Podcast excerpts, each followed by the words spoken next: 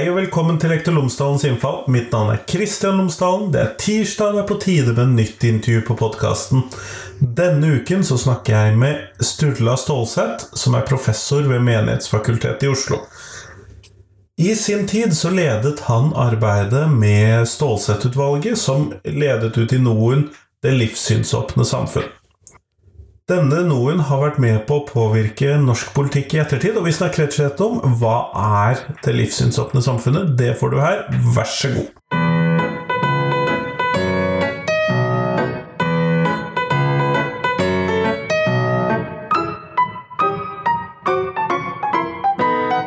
Sturla Stålseth, tusen takk for at du har tatt deg tid til meg i dag. Bare hyggelig. Før vi starter selve intervjuet, kunne du ha fortalt lytterne mine tre ting om deg, sånn at de kan bli litt bedre kjent med deg. Ja, eh, jeg bor på Sagene, et vidunderlig sted eh, i Oslo, med en eh, flott miks av folk på og et, en kirke som ligger midt i bydelen og har åpne dører mange ganger i løpet av uka. Og hvor uh, vi har litt sånn uh, slekts uh, faktisk historie, på en måte. Moren min var lærer på Sagene lærerhøgskole, og svigermor gikk der, og nå har mine to unge barn, for å si det sånn, de har gått på skolen på Sagene, så vi har blitt veldig patrioter. Så det er én ting jeg kan si. Og det andre er at jeg er glad i uh, musikk og spiller musikk uh, og lytter til musikk. Jeg har uh, Jeg våknet som entusiast på rockefeltet i 1977-78, hvor jeg hørte punkmusikk for første gang og syntes det var veldig kult. Og dro ned til byen sammen med en kamerat og kjøpte den billigste elgitaren som fantes, og begynte å spille og tenkte at nå nå kunne alle spille, spille, rock og spille punk, så det var bare å sette i gang. Og det gjorde vi. Og det er jo underlig hvordan vi trodde at det vi spilte, hørtes fint ut. Men uh, det var heldigvis inngangen til en etter hvert lang uh, glede og langt liv med glede av musikken. Så jeg benytter anledningen til å invitere folk til konsert på Gamland 14 mars, lørdag, hvor jeg skal spille med mitt band Støtteapparatet, og med, sammen med et band fra Stavanger som er veldig bra, som heter Supersofa. eh, så det var eh, andre, og hva skal man si til det tredje? Jeg er eh, glad i eh, sport, eh, fotball og Stuping. Jeg drev med stuping i, uh, i ungdommen, og syns det alltid er noe mest fascinerende å se på, men også fortsatt alltid en, uh, en liten test på meg sjøl hver sommer, og se om jeg fortsatt kan det og det stupet, om jeg fortsatt kan tørre den og den høyden. Så det er en liten sånn sjøl eh, utprøving mens tida går. Hørtes veldig bra ut. Um grunnen til at vi snakker sammen nå, er egentlig ingen nyhet. Nei. Det er egentlig en uh, gammel nyhet som havnet i en skuff, og som uh, rett og slett en NOU om det livssynsåpne samfunnet. Og da lurer jeg jo selvfølgelig på først, hva er det livssynsåpne samfunnet? Hva mener dere med det? Tittelen på NOU-en, som kom i 2013, kom ganske sent i arbeidet. Vi var 15 15 eh, eh, kommisjonsmedlemmer, eh, og vi hadde jobbet i tre år. ganske langt arbeid, lang tids arbeid for en NOU å være. Jeg var veldig glad for at vi fikk såpass lang tid, for det var store spørsmål vi hadde fått i oppdrag. Og da vi landet etter en lang og fin prosess, veldig interessante samtaler, veldig overraskende og inspirerende eh, meningsutvekslinger i det utvalget, så, så, så, når vi da etter tre år måtte lande, for vi måtte få produktet ferdig og overlevere til statsråden osv., så, videre, så jobbet vi en del med tittelen. Og eh, dette forslaget om det livssynsåpne samfunn, eh, som jeg eh, fremmet, var eh, bygget på tanken om at eh, åpenhetsbegrepet på tros- og livssynsfeltet er et bedre begrep enn nøytralitetsbegrepet. Og selve ordbruken stammer fra overgangen fra å snakke om livssynsnøytrale seremonirom til å snakke om livssynsåpne seremonirom. Og vi spurte oss selv hva hvis vi, lager, hvis vi overfører den metaforen til samfunnet, hva slags samfunn ser vi for oss da? Og det viste seg jo at det kunne stemme ganske godt med den posisjonen som vi som utvalg sammen hadde kommet fram til på tvers av ganske store både politiske og livssynsmessige og faglige forskjeller som det jo var innad i det utvalget. Og nå brukes begrepet det livssynsåpne samfunn ganske mye. Så, sånn sett, ja, det har jo tatt sin plass. Det har tatt sin plass, og, men det har tatt sin plass på en måte som, er, som det er interessant å, øh, å presisere. Fordi mange bruker det øh, som om det er ensbetydende med at vi nå har et livssynsmangfoldig samfunn. Altså at det finnes mange At livssynskartet, livssynsdemografien i Norge er annerledes enn før. Og det er den jo, men det er ikke helt presist. Det er ikke det vi, som ligger i begrepet. Det er ikke det som ligger i begrepet. Og det som uh, ligger i begrepet, er at det er mer en type visjon eller en politisk programerklæring som uh, forsøker å Som lanserer en tredje vei mellom to hjulspor, dype hjulspor i tros- og livssynspolitikken. Nemlig enten at man kjører øh, det livssynshegemoniske på en eller annen måte. Øh, kulturarven, øh, nasjonalreligionen osv. Som vi ser på framvekst, den posisjonen, i det populistiske globale verdensbildet og i Europa, hvor man kobler nasjonalfølelse, makt, til én bestemt religion eller konfesjon. Eh, det er den ene grøfta, eller det ene hjulsporet. Det andre hjulsporet er en eh, streng sekularisme som nettopp i frykt for den andre posisjonen eh, velger å si at alt offentlig, alt statlig, må være helt avkledd eller renset for tros- og livssynsmessige begrunnelser eller uttrykk. Og vi får en form for restriktiv sekularisme som vi kjenner annet kanskje tydeligst fra Frankrike, men som har sine ulike modeller eh, rundt omkring på kloden, eh, fra eh, Tyrkia til USA til andre samfunn. Men det er særlig den franske modellen som vi da også ønsket å lansere et alternativ til. Og da kommer det livssynsåpne, som har to kjennetegn. Det første er at det er åpent i betydning inviterende til tro og livssyn i samfunnet og i offentligheten. I det offentlige rom, da. Ja. ja. Eh, og åpent og inviterende i den forstand at uh, i motsetning til en mer sekularistisk uh, grunnholdning, som er engstelig for uh, en for tydelig tros- og livssyns uttrykk i det offentlige rom. Sånn som Frankrike med da nekting av religiøse symboler på elever og den ja, typen ting. Den type ting, ikke ja. sant. Og hvor på en måte det, den sekularismens, eller sekulariseringsteoriens eh, påstand om at jo mer moderne et samfunn blir, jo mindre plass er det, skråstrek bør det være for tro og livssyn i dette offentlige rom eh, tro og livssyn kan nok finnes, men det er en privatsak. Den posisjonen er det altså eh, det livssynsåpne først sier nei til, og sier la tro og livssyn synes, la det blomstre i det offentlige rom som det gjør det i de ulike private rommene, enten de er hjemme eller de er i, i tros- og livssynsbaserte eh, bygg osv. Fordi dette er viktig for mennesker, så er det viktig for Eh, samfunnet. Og dessuten er det et uttrykk for en grunnleggende menneskerettighet, nemlig tros- og livssynsfriheten. Som ikke bare er en frihet til å tro og mene hva du vil i ditt hjerte eller i ditt sinn eller i ditt hjem, men som er en frihet til å uttrykke dette i ord og i handling, alene eller sammen med andre, hjemme eller ute. Så på en måte er den øh, første delen av det livssynsåpne bare en konkretisering av tros- og livssynsfriheten slik den er forankret i menneskerettighetene. Den andre delen som er like viktig av det livssynsåpne samfunn, er at når det er slik at staten og det offentlige og vi som samfunn inviterer til et, eh, et blomstrende tros- og livssynsbilde i samfunnet, så må det være de tusen blomster som må få blomstre, for å bruke et uttrykk fra en helt annen ideologisk retning. I den forstand at eh, da må det være likebehandling av de ulike tro og livssyn som finnes i det samfunnet som, som vi da faktisk er. Med de forskjeller som finnes. Med majoritet og minoritet. Med religiøst baserte livssyn og ikke-religiøst baserte livssyn. Og med religionskritikk som like berettiget og like mye eh, rom som den bekjennede tro av ulik sort.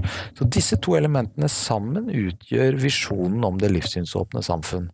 Nemlig tro og livssyn er ikke noe annerledes, noe man skal flytte på gangen eller flytte inn i, i, i eh, privatrommet, og noe man skal være engstelig for som samfunn. Det er noe man naturlig skal ha som eh, et element, men staten og myndighetene, fordi vi er et mangfoldig samfunn, må da likebehandle alle de uttrykkene for eh, borgernes og grupperinger blant borgernes eh, tro- og livssynsoverbevisninger. Og denne balansen er det vi forsøkte å komme fram til, og mente vi gjorde eh, et godt eh, arbeid med.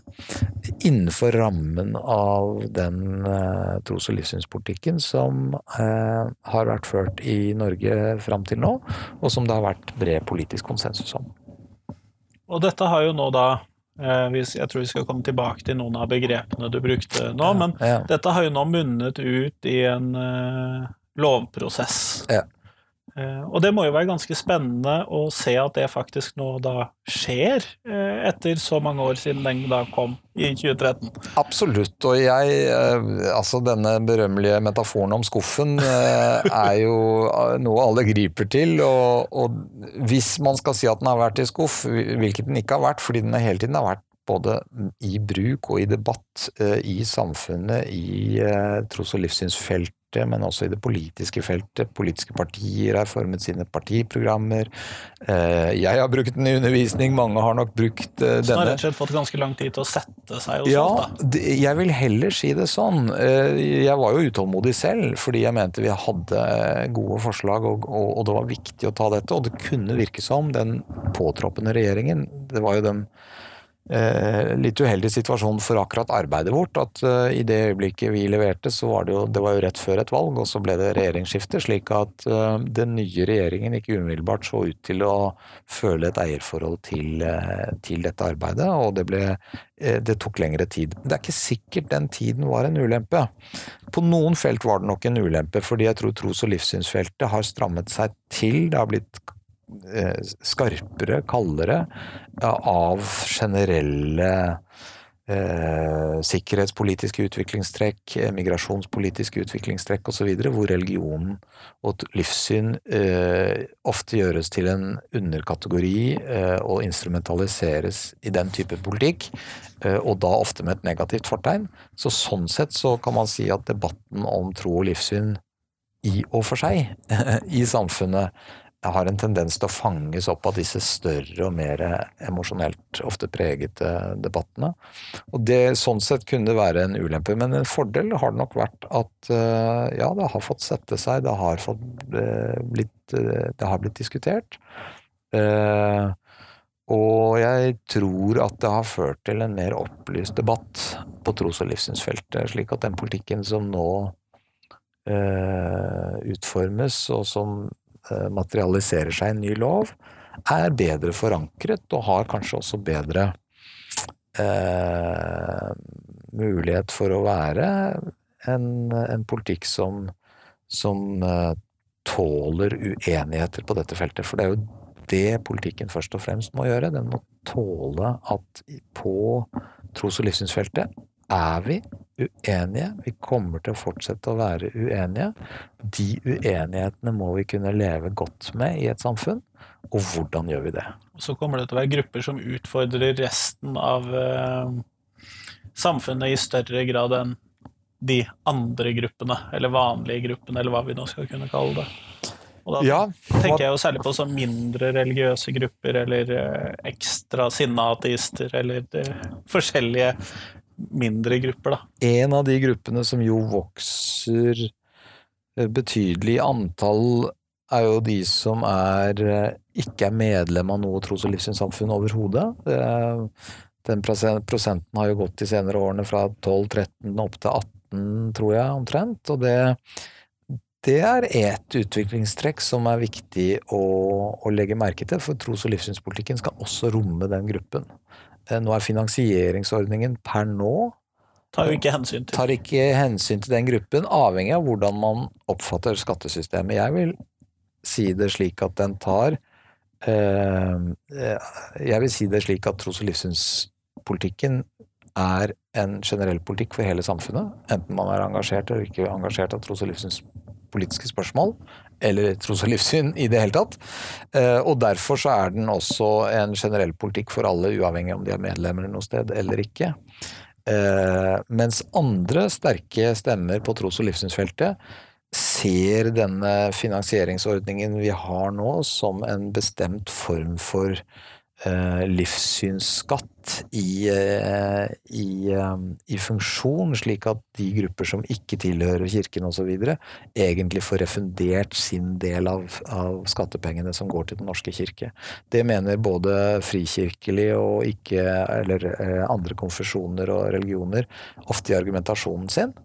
Eh, mens eh, min posisjon, og, og, og, mange med meg, vil si at denne i det norske systemet ikke skiller seg fra den generelle skatteordningen for øvrig, slik at vi som bor sørpå betaler for veier nordpå, eh, de som er eh, de som er pasifister bidrar til militært forsvar osv., at det er en del av den generelle skatteordningen. Men uansett peker du på et eh, viktig trekk, nemlig at det er betydelige endringer i sammensetningen på tros- og livssynsfeltet, som jo politikken til enhver tid må ta hensyn til. Og samtidig er tros- og livssynspolitikken, som alle religionssosiologer jo er flinke til å minne oss om, preget av de lange linjer og de små endringer. Eh, det går sakte på tros- og livssynsfeltet, selv når vi opplever at det er, eh, er store endringer, så er det jo fortsatt slik at Den norske kirke er en betydelig majoritet, vil være en betydelig majoritet på, på feltet. Det er liksom ikke sånn at vi har fått eh, vi har fått endret bildet over natta. Eh, og samtidig eh, er nettopp når det har vært lange linjer og stor kontinuitet, så er de endringene som skjer, desto mer viktig å få oppmerksomhet rundt. Ja, for det er vanskeligere å se de når det er små, sakte endringer. Akkurat det. Og staten og myndighetene har jo i Norge hatt en tendens til å være relativt nonsjalant, for ikke å si blind, overfor resten av tros- og livssynsfeltet, som ikke dreier seg om Den norske kirke. Man har sett på tro og livssyn som samfunnsfenomen gjennom Den norske kirkes eh, store plass, og så har man hatt en mer et sånn venstre lillefinger-holdning til resten av feltet.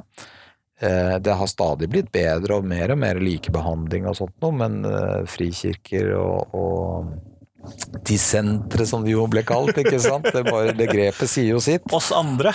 Det ikke sant? De andre har blitt stemoderlig behandlet og har viktige kritiske innspill til hvordan tros- og livssynspolitikken har vært formulert. Og det prøver det livssynsåpne samfunn som begrep å ta høyde for at vi må ha en annen helhetlig visjon. Og jeg er glad for at den eh, den eh, stortingsproposisjonen som nå munner ut i forslag om et ny lov, veldig klart og tydelig bekrefter den visjonen. Det er det livssynsåpne samfunn som viser veien framover, og som politikk framover bør bygge på. Og så var det i NOU-en vår, sånn at selv med det felles utgangspunktet, og vi utmyntet dette i, eh, utmyntet i åtte prinsipper, og vi diskuterte alle kontroversspørsmål ut fra disse prinsippene, men selv da kom man jo til ulike konklusjoner. Ja, det var ganske mange dissenser, har jeg lagt merke til når jeg har lest det, at uh, i dette punktet så er det dissens, og dissensen består av Ja. disse menneskene, og Ja. flertall mindre. Ganske mange av de. Ja, det var det. Så, så det var en samlet posisjon. Eh, hovedtrekkene eh, var, var det enighet om. Overraskende enighet, vil jeg si, eh, på tvers av dette feltet. når det kom til enkeltsakene og konklusjonene, så ble det ofte uenigheter som jeg tror gjenspeiler eh, situasjonen i folket for, og det politiske bildet for øvrig. Og noe av hovedhensikten er igjen å se at lignende prinsipper og grunnverdier kan føre til ulike konklusjoner i kontroversspørsmål. Prøve å trekke ned temperaturen i de uenighetene på relativt små kontroversspørsmål. Altså uh, uten å dermed gå glipp av det prinsipielle ved dem, men forsøke å få uh, Gi et grunnlag for diskusjon av disse spørsmålene som hvor vi får færre situasjoner at myndigheter bare snur på hæren og styres veldig sterkt av stemninger eller presseoppslag, men er mer prinsipielt forankret i tros- og livssynspolitikken. Så det, eh, det var liksom det jeg håper og, og, og, tror fortsatt at kan være den varige arven fra, fra dette arbeidet. At vi har en mer solid forankret eh, politikk på dette feltet. Og at de prinsippene som vi foreslo, og den grunnvisjonen vi foreslo, kan være den beste veien framover. Eh, og da leder du meg tilbake til det som da var eh, en av begrepene som jeg ville se litt nærmere på eh, fra tidligere, og det er dette med likebehandling. Og da er jo spørsmålet er det mu mulig med en reell likebehandling når et av trossamfunnene har såpass mye større hva skal vi kalle det, statistisk tyngde, mm. eh, men også tilstedeværelsestyngde og, som du sier, politisk oppmerksomhetstyngde, mm. eh, enn de andre tros- og livssynssamfunnene. Mm. Er det mulig med en likebehandling? Det kommer jo da an på hva man mener med likebehandling. For det første så må man jo aldri gi opp målet om likebehandling. Det er jo uansett hvor skjevt utgangspunktet, og jo desto mer skjevt utgangspunktet er, jo, jo viktigere blir jo målet om likebehandling. Det, det, eh, når det dreier seg om, om viktige eh, spørsmål som, som tro, samvittighet, overbevisning osv., så, videre, så er det særlig viktig på det feltet. Eh, så er spørsmålet hva er eh, eh, rimelig eh, likhet eh, på dette feltet. Ikke sant? Og vi vet jo at eh, eh, likhet kan være likhet i utgangspunkt. Eller det kan være likhet i, i, mål. Det er to forskjellige måter å, å vurdere likhet på. Alle skal starte på samme strek, så, eller alle skal oppnå samme mål, om enn via ulike veier og med ulik hjelp på veien. Eh, og det er klart at eh, legger man menneskerettighetene til grunn, eh, og ikke bare hva de Så å si hvilken frihet de gir til altså, skal vi si den negative frihet, men også den positive frihet. Altså ikke bare hva man skal unnlate å bli utsatt for, det er kjempeviktig. Men også det man skal få materielt grunnlag til å kunne utfolde, nemlig sin tro og overbevisning. Få rom for, få, få støtte til. Eh, særlig når man er i livssituasjoner hvor man ikke selv enkelt kan skaffe seg dette. Hvis man er på sykehus, man er i, i en institusjon, er, man er i fengsel eller man er i Forsvaret så er dette med tros- og livssynsfriheten noe som aktivt må legges til rette for at man skal få den samme rett til dette som andre, osv. Så, videre. så ja, jeg tror likebehandling er eh, mulig på dette feltet. Jeg tror aldri vi alltid vil være enige om eller hva det er. Hva, nøyaktig hva det er. Eh, det betyr ikke at, eh, at det kan oppgis eller bør oppgis, men at nettopp det at vi må diskutere hva det er, er en del av den pågående eh, og skjerpende tros- og livssynspolitiske debatten som vi har. Eh, hva vil det si eh, å ta hensyn til eh, majoritet og minoritet? Eh, hva vil det si å ta hensyn til ulik eh, plass og betydning i historie og kultur og osv. når det gjelder kunnskap, vekten av kunnskap, nærvær, hva, det vil si, hva vil det si at det er ulik tilgang til lokaler, noe så fysisk og, og, og konkret som det, men også at det er behov for ulike typer lokaler og ulike typer behov uh, uh, i bruken av disse lokalene. Altså veldig konkret. Uh, og det er jo noe av det som er spennende og morsomt med tros- og livssynspolitikken. At den, er, den har disse dype prinsippene, og samtidig er den veldig veldig konkret. på veldig overraskende måter noen ganger. Jeg husker jo eh, et tidspunkt i dette lange arbeidet med, med, med NOU-en, så pleide jeg å innlede til forskjellige spørsmål, og, og, en gang vi var kommet til spørsmål, et spørsmål, så sa jeg nå, kjære venner, eh, er vi kommet til liksom kjernen i tros- og livssynspolitikken. Så, så da liksom så de litt på meg, så sier jeg nemlig svømmeundervisningen. og da lo, lo, vi jo godt, ikke sant? Og, men vi tok jo opp disse, noen av problemstillingene, vi gikk gjennom det og sånn. Og så kommer vi altså til den dagen hvor vi skal presentere denne NOU-en. Eh, og det var jo interessant at det, det, det uh, For ikke mange tiår siden var tro- og livssynsspørsmål hørte i kulturskuffen, var relativt myk politikk, relativt for spesielt interesserte sånn på det journalistiske plan.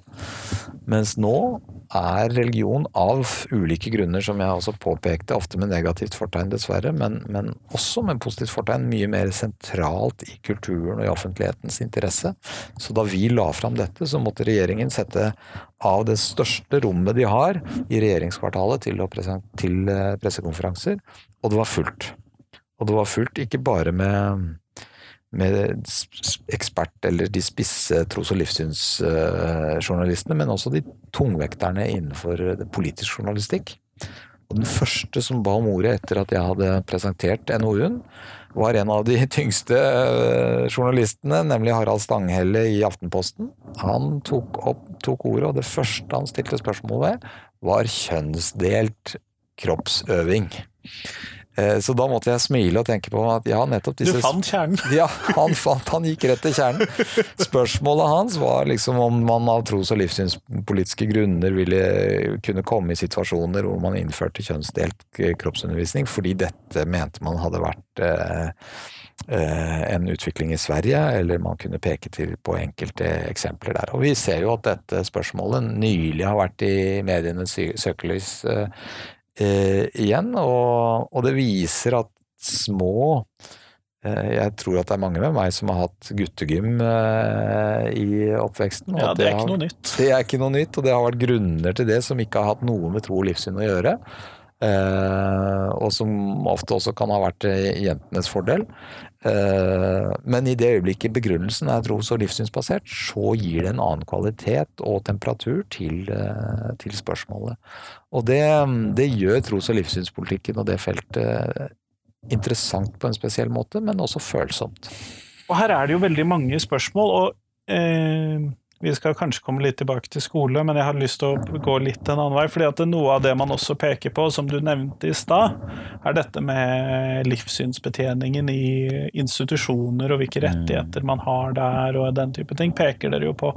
Og i de seks årene som har gått siden dere kom i NOU-en, så har vi jo eh, gått fra en situasjon hvor det var nær utelukkende Den norske kirke som hadde sine representanter. Mm. Og man kan vel fortsatt si at det er relativt stor andel, det fremdeles, mm. men hvor man nå også har én eh, felthumanist, én feltimam, eh, noen sykehusimamer, mm. og det har også vært forsøksordninger på sykehushumanister. Mm. Eh, så det, er det nok ikke så mange andre tros- og livssynssamfunn som er store nok til at det vil være noe annet enn muslimer, kristne og humanister, slik som statistikken er. Mm. Men hvordan tenker du med tanke på det dere skrev om dette temaet, og den utviklingen vi har sett etterpå, hvordan tenker du der? Jeg tenker at, eh, at eh, dette er et veldig godt eksempel på hva likebehandling i praksis eh, eh, Hvilke utfordringer likebehandling i praksis stiller oss overfor. Og den likebehandlingsmodellen vi landet på, var jo en modell eh, som tar utgangspunkt i behovet Altså ikke at hvis det er ti ulike livssyn på et sykehus, så skal livssynsbetjeningen deles i ti like deler. Sånn kunne man jo tenkt prinsipielt. Eh, men eh, hvilket behov har pasientene ved dette sykehuset? Slik at det er deres behov for å få innfridd sin, innfridd sin tros- og livssynsfrihet eh, sitt, i, i, den situasjonen de er, som skal styre betjeningen og bemanningen av betjeningen. Da eh, innebærer det at man ikke sier eh, sånn som det var mer i en, et livssynshegemonisk system, hvor man kunne si at prestene tar vare på alle. Prestene i Den norske kirke kan ta vare på alle. Men man sier heller ikke at vi trekker tilbake livssynsbetjeningen fordi vi ikke kan få til en ordentlig Dette får de ordne på eh, privat, på egen hånd. Men sier at eh, tros- og livssynsbetjening i institusjoner er viktige, og de bør ta utgangspunkt i det behovet som er. Og så må det legges til rette for på andre måter for de som har behov som ikke dekkes av den faste betjeningen, f.eks. sant? og det kan være katolsk behov for en katolsk pater med mulighet til å forrette katolsk nattvær, eller gi den siste olje. Eller det kan være imam, eller det kan være øh, jødisk behov. Og da må det legges til rette på en annen måte. Noen ganger er det dyrere, andre ganger er det rimeligere. Eh, men for eh, den prinsipielle likebehandlingstenkningen som ligger til grunn, viser at en absolutt likebehandling ut fra lik eh, måte å organisere det på, verken fører fram eller er politisk mulig. Så Derfor så ser dette litt ulikt ut i ulike institusjoner også. Det ser ulikt ut innenfor kriminalomsorgen, innenfor Forsvaret og innenfor eh, helsevesenet per i dag. Og de ulikhetene er det verdt å, å drøfte, og verdt å se om de er eh, om det er grunner til at det skal være ulikt i disse institusjonene, og i tilfelle hvilke grunner det, det kan være. Og ikke minst er det behov for eh, en betydelig erfaringsoverføring fra de ulike sektorene. Forsvaret har vært eh, i front her, eh, og det er interessant å f.eks. bare se forskjellen på diskusjonen om livssynsmangfold i Forsvaret kontra i politiet. Når det gjelder uniform eller tilpasning og slike ting. Og det ja, det er sjelden man i, i hvert fall i de mer allmenne mediekanalene ser nevneverdig kritikk av uh, Forsvarets uniformering, f.eks. Ja. Uh, mens politiet, der går diskusjonen ganske høyt. Ikke sant. Ja. Og det, dette er følelsesstyrt på dette feltet, og derfor så viktig, etter min mening, å ha eh, tid og ro og rom for eh, prinsipielle eh, samtaler hvor uenigheten ikke er farlig, men hvor argumentene må få størst vekt, ikke posisjonsrivalisering. Eh, Som for å prøve å unngå å havne i enten Frankrike eller i Polen og Ungarn? Og... Ikke sant. Akkurat det tenker jeg det er veldig viktig å, å unngå, for jeg tror nemlig en Frankrike-politikk på sikt skaper eh, mer konflikt, eh, undertrykker eh, eller dytter ut av eh, den offentlige sfære og ut av fellesrommet eh, legitime personlige og kollektive uttrykk eh, som på sikt skaper mer konflikt enn det løser. Nettopp. nettopp. Så det er, det er, vanskelige avveininger her? Hele tiden. Og, og, derfor så er det nødvendig å ta også hvert spørsmål for seg. Eh, og se ja, hvordan fortoner dette seg eh, på dette feltet. Hvordan fortoner det seg for sikene eh, når det gjelder eh, eh, yrkessituasjoner hvor dette med hjelm er et påbud. Hva, hvordan skal vi avveie forholdet mellom behovet og retten til å uttrykke sin tro gjennom å bære eh, en turban, og samfunnets allmenne behov for eh, å sikre mot skader, enten det er på byggeplasser eller det er i trafikken. Dette er helt konkrete og reelle avveininger hvor det ikke finnes quick fix, og det ikke finnes som regel eller sjelden finnes den helt optimale løsning for alle parter. Nettopp, nettopp. Vi går mot slutten av denne podkasten, Ja. og da har jeg et spørsmål som jeg stiller til alle. Dette er jo en skolepodkast, så det er jo ikke så relevant for resten av samtalen. Nei. Men eh, hvis du fikk bestemme, hva skulle ut av skolen?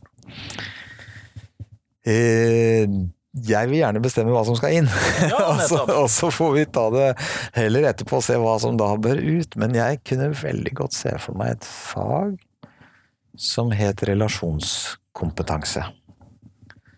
Eh, det rommer så mye av eh, både hva du og jeg står i i hverdagen. Eh, vi står i en mengde forhold. Eh, og vi kan også si det filosofisk eh, sterke. Vi blir til gjennom de forholdene vi står i. Eh, familieforhold, nære forhold, eh, arbeidsforhold, kollegaforhold, lærer-elev-forhold, forholdet til myndighetene, eh, forholdet til naturen, forholdet til dyrene. Alle disse relasjonene har formet oss, stiller oss til ansvar etisk når vi møter mennesker i nød, møter mennesker som blir behandlet urettmessig, så, så er det ikke bare at vi kan stå der som et individ og, og tenke at er, de, de er de og vi er oss, og jeg er meg alene. Vi er alltid formet gjennom relasjonene.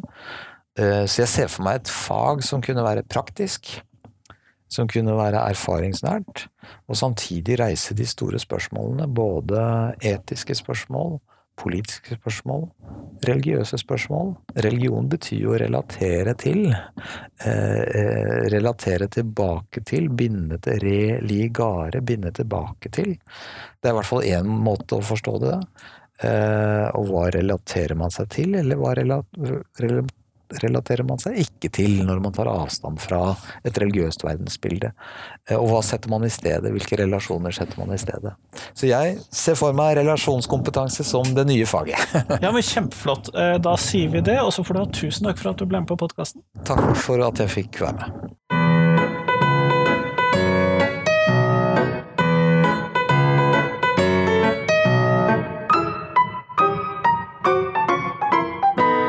Tusen takk til Sturla, og tusen takk til deg som hørte på.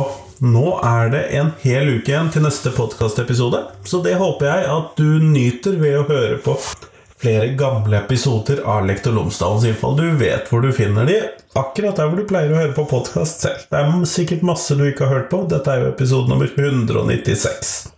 Men i hvert fall, eh, fram til neste gang så håper jeg at du kan dele podkasten min med noen. Kanskje du har en favoritt som du har lyst til å dele med noen. Det blir jeg veldig glad for. Deling av podkasten er den viktigste måten du kan være med og støtte meg på podkasten. Men tusen takk for at du hører på, og fram til neste gang, ha en fin uke. Hei, hei.